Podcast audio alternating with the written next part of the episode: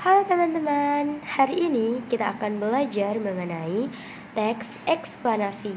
Jadi, hari ini saya akan membacakan salah satu contoh dari teks eksplanasi. Jadi, mari kita dengarkan bersama ya.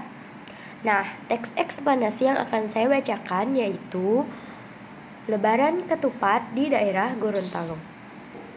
Lebaran Ketupat merupakan salah satu tradisi yang ada di daerah Gorontalo Lebaran Ketupat dilaksanakan pada hari raya ketujuh setelah Lebaran Idul Fitri.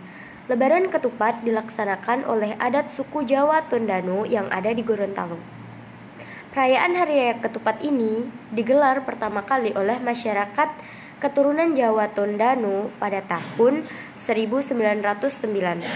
Orang Jaton merupakan keturunan Kiai Mojo yang sempat diceritakan dan diasingkan ke Minahasa sebelum akhirnya menyebar di Gorontalo dengan kebudayaan Lebaran Ketupat atau Hari Raya Sunnah. Lebaran Ketupat diadakan sebagai sebab rasa syukur kepada Allah karena telah mampu melewati dan menjalani puasa Ramadan.